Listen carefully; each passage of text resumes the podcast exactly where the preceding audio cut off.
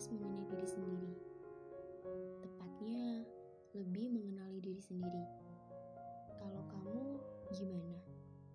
Apa kamu sudah mengenali diri kamu? Hayo, gimana? Sebenarnya, aku juga sering loh mendapat pertanyaan-pertanyaan seperti itu. Kamu ini orang yang seperti apa? Kamu sudah mengenal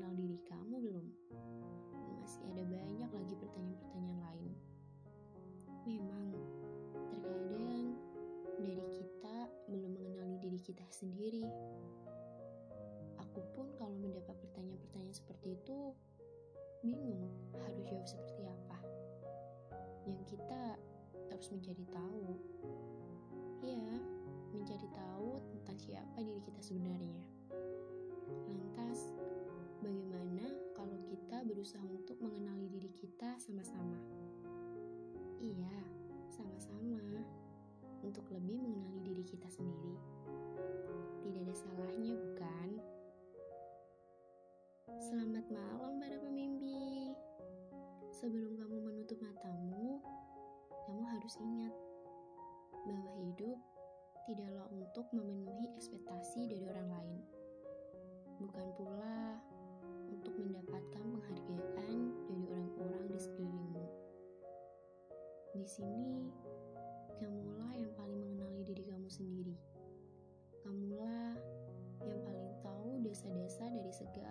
keputusanmu.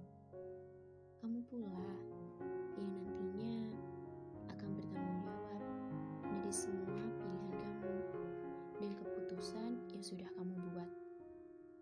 Maka dari itu, hidup bukan untuk mendengarkan perkataan orang lain, tapi dengarkanlah kata hati dan pikiranmu sendiri. Katanya sih, hal ini akan lebih baik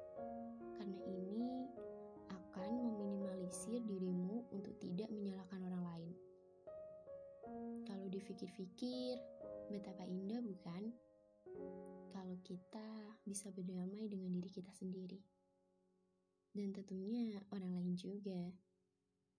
Karena kita selalu mengandalkan pikiran kita daripada harus memikirkan orang lain. Sehingga kita tidak akan pernah dihantui rasa dilema. Iya, rasa dilema. Rasa dilema terhadap penilaian orang-orang di luar sana tentang diri kita. Kita yang seperti apa? Kita yang bagaimana? Bahkan kita ini siapa? Ingat, kita tidak akan pernah menjadi manusia sempurna. Tidak akan pernah, karena kesempurnaan hanya dimiliki Tuhan. Tapi kita bisa untuk menjadi manusia yang terbaik, versi diri kita sendiri. Kita bisa kok, kita bisa untuk menjadi manusia yang lebih baik di setiap harinya, bahkan lebih baik dari sebelumnya. Untuk kamu yang masih mencari jati diri dan lebih mengenali diri kamu, semangat ya! Sampai jumpa di episode selanjutnya. Tentunya dari Diari Meraki. Bye bye.